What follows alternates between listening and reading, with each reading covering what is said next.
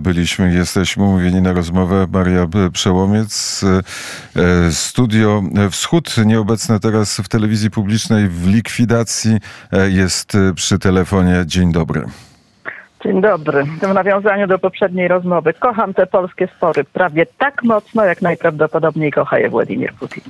Bo?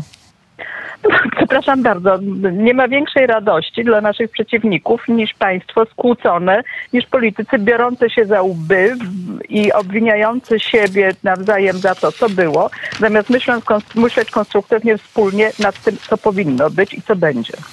To jest e, a propos e, blokady granicy polsko-ukraińskiej. A to też, oczywiście. No to przede wszystkim powiedziałabym w tej chwili. E, ta blokada trwa, ta złość rolników ma, ma, ma uzasadnienie. Nie tylko w Zielonym Ładzie, ale w tym wszystkim, co się dzieje na granicy. Tylko czy ją blokować, czy nie blokować, jak to powinno wyglądać, jak to powinno zostać rozwiązane. To jest bardzo trudne pytanie, natomiast wiem jedno, że w tej chwili to, co się dzieje, jest sprzeczne z interesem Polski i uderza w Polskę, uderza również Polskę, polski wizerunek. Wina leży po stronie Brukseli, bardzo mi przykro, dlatego że tu zarówno Zielony Ład, jak i jednak e, zniesienie embarga na wszelkie dostawy, e, z, znaczy nie wszelkie, no zboże, kukurydza, e, rzepak, słonecznik e, z Ukrainy. Z jednej strony można to zrozumieć, dlatego że ten kraj walczy w tej chwili rzeczywiście, a przepraszam, wbrew temu, co się mówi często w Polsce, dochody do budżetu państwa ukraińskiego właśnie od tych wielkich agro, agrogospodarstw, agroferm, to jest zdaje się około 19%, więc, więc są bardzo bardzo.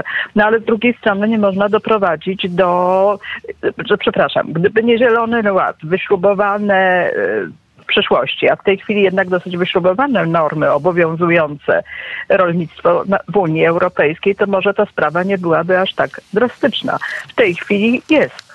A jednocześnie Komisja Europejska powinna e, wysłuchać tych państw, które graniczą z Ukrainą, które postulowały, żeby e, jednak e, w jakiś sposób poddać kontroli handel, handel produktami rolnymi z Ukrainy. Komisja Europejska na to się nie zgodziła i nawet, nawet pan Chrostowski powiedział to dobrze, to Komisja Europejska, pani komisarz jest winna za to, że teraz te niechęci polsko-ukraińskie wzrastają w wyniku blokady ukraińsko-polskiej granicy. No, z wieloma rzeczami, które mówił pan Sostowski, się nie zgodziłam, nie zgadzałam, ale z tym absolutnie się zgadzam. Rzeczywiście, no, Komisja Europejska, Bruksela jest temu winna, że w tej chwili w dużej mierze to jest, w dużej mierze to jest wina Brukseli, że w tej chwili mamy to, co mamy na y, polsko-ukraińskiej granicy. I tak jak już powiedziałam na początku, no, jedyna osoba, która zaciera ręce i bardzo się z tego cieszy, to jest Władimir Władimirowicz na Kremlu. E, nie Mam nadzieję, że z radości się zadławi jakąś kością. E, nie tylko zaciera ręce, ale myślę, że też aktywnie podsyca z jednej i z drugiej strony e, granicy tę te niechęć polsko-ukraińską, bo jak wiemy... Ale oczywiście, że tak. Przepraszam, że, że wchodzę panu w słowo, ale oczywiście, że tak. Rosja ma świetne doświadczenie. Przypomnijmy sobie bunt żółtych kamizelek we Francji. Przypomnijmy sobie separatystów e, w Katalonii. Wszędzie tam Rosja maczała palce. W tej chwili polecam na Twitterze, jest pan Michał Marek, znakomity ekspert właśnie od rosyjskiej wojny propagandowej, dezinformacji informacji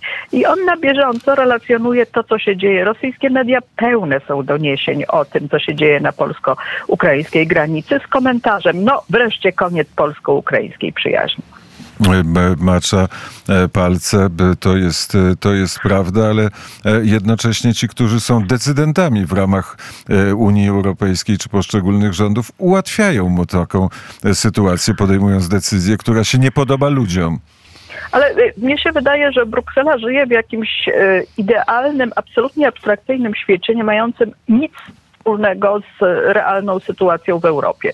I ja nie wiem, jakby im płacili, to by chyba nie robili tak, tak, dobrze, nie niszczyliby Unii Europejskiej. Bo przecież to uderza w europejską wspólnotę, to uderza w Unię Europejską. A wbrew temu, co mówił przed chwilą Krzysztof Bosak, uważam, że Unia Europejska, taka jaka była na początku, jaką tworzyli ojcowie założyciele, jest nam potrzebna jest dobrą instytucją, jest dobrą organizacją. Tyle tylko, że no, y, dobrze, ja jestem wierząca i uważam, że diabeł chce zepsuć wszystkie dobre projekty, a już szczególnie takie, w którym są odniesienia do Boga, Matki Boskiej, chrześcijaństwa. I tutaj muszę powiedzieć, że udało mu się to znakomicie. I e, wygląda na to, że e, ten, ten, ten czas e, takich decyzji się nie zakończył, bo idziemy w kierunku centraliz- centralizacji Unii Europejskiej. Z Brukseli mają być zarządzane nawet te małe gospodarstwa rolne, które są na Podlasiu. No i to się źle skończy, dlatego że w tej chwili mamy przedsmak tego po demonstracjach rolnych, rolniczych, a one są nie tylko w Polsce, ale, ale są w wielu krajach Europy.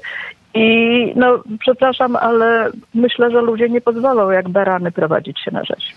No dobrze, niechęć polsko-ukraińska e, wzrasta. Widzimy te sondaże. Sondaż publikowany przez e, dzisiaj w szczegółach przez dzisiejszą gazetę wyborczą. Czy Twoim zdaniem obywatele Ukrainy są zagrożeniem czy szansą dla e, Twojego kraju? 40% Polaków uważa, że są zagrożeniem, a 28% tylko uważa, że są szansą. Oczywiście, że są szansą. To jest w ciągu wśród tych 28%. Możemy jest, się kłócić. Jest pani... Możemy się kłócić, możemy. Nie no, e, e, przepraszam, dlatego jest szansą. Przede wszystkim uświadommy sobie jedno. Te 40%. Naprawdę oni walczą również za nas. Ukraińcy w tej chwili walczą również za nas. Naturalnie będą nas dzielić różne rzeczy, chociażby kwestia rolnictwa. Zresztą tutaj Ośrodek Studiów Wschodnich wiele, wiele lat temu, przed wojną, przed wszystkim, e, ostrzegał, że w momencie, kiedy by Ukraina weszła do Unii, no to byłby, będzie problem wielki dla polskiego, zresztą nie tylko dla polskiego rolnictwa, dla francuskiego, dla włoskiego pewnie też. Więc są rzeczy, które nas dzielą. Każdy kraj powinien bronić swoich interesów, natomiast zdecydowanie Ukraińcy Wygrana Ukrainy jest dla nas ogromną szansą. Przegrana Ukrainy jest dla nas klęską. Coraz mniej patrzę na, na ten wynik ogólnoeuropejskiego sondażu. E, kto wygra, który e, wynik wojny rosyjsko-ukraińskiej uważa za najbardziej prawdopodobny? Średnia europejska e, to jest 10% Europejczyków wierzy w to, że Ukraina wygra wybory. No, nie wybory, tylko wojnę. Nie wojnę, wojnę, wybory. E, te wybory to wygra Putin w marcu. E, w, obawiam się, że rzeczywiście ja też przestałam być optymistką. Byłam optymistką, przestałam być optymistką. Ale niestety to również zależy od Zachodu. I, i od Stanów broń, Zjednoczonych. Broń, broń, broń, broń i jeszcze raz broń. A ja czytam znowu wczoraj, że pan kanclerz Scholz jednak jest przeciwny dostarczaniu Ukraińcom e, pocisków dalekiego zasięgu Taurus. Przepraszam bardzo, no jakby Putin mu płacił za to, to by nie wykonywał tego tak dobrze. Ukraińcy mają za mało pocisków dalekiego zasięgu, mają F-16, przewaga w powietrzu przy tych skromnych y, nie mają tej przewagi w powietrzu. Przewagę w powietrzu mają Rosjanie i przy tych wszystkich skromnych środkach Ukraińcy ciągle mają na przykład kontrolę nad Morzem Czarnym, znaczy kontrolę, za dużo powiedziane, ale właściwie wydaje się, że wygrywają bitwę o Morze Czarne. Y, jeżeli rzeczywiście Ukraińcy zostaną zmuszeni nawet do zawieszenia broni, to ja nie lubię siać paniki.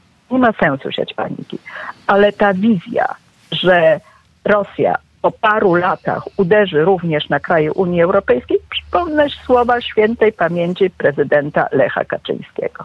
Wypowiedziane w Tbilisi w 2008 roku w czasie wojny gruzińsko-rosyjskiej, rosyjsko-gruzińskiej. Najpierw Gruzja, potem Ukraina, a potem kraje bałtyckie i najprawdopodobniej my. Drodzy Państwo, to jest absolutnie realne. Nie, nie dzisiaj, nie jutro, ale za lat, nie wiem, 10. No może już nie dożyje, chwała Bogu, ale szkoda dzieci. 10 lat to by oznaczało, że Putin chciałby poczekać. Za 10 lat już będzie, e, jeżeli będzie żył, to będzie e, już bardzo wiekowym, e, wiekowym człowiekiem. 400 rakiet z kolei balistycznych dostarczyła Iran, dostarczył Ukrainie. To a propos tego wahającego się kanclerza Scholza. Te rakiety mają zasięg od 300 do 700, 700 E, kilometrów. E, sytuacja na froncie ukraińskim jest oczywiście opisywana e, w raporcie z Kijowa, który Paweł Bobołowicz poprowadził o godzinie 9.30, kiedy pani redaktor Maria Przełomiec zapytała, o czym rozmawiamy. Odpowiedziałem o Nawalnym, a o Nawalnym nie było żadnego słowa, to przynajmniej krótko. Nawalny, jego śmierć i konsekwencje tej śmierci.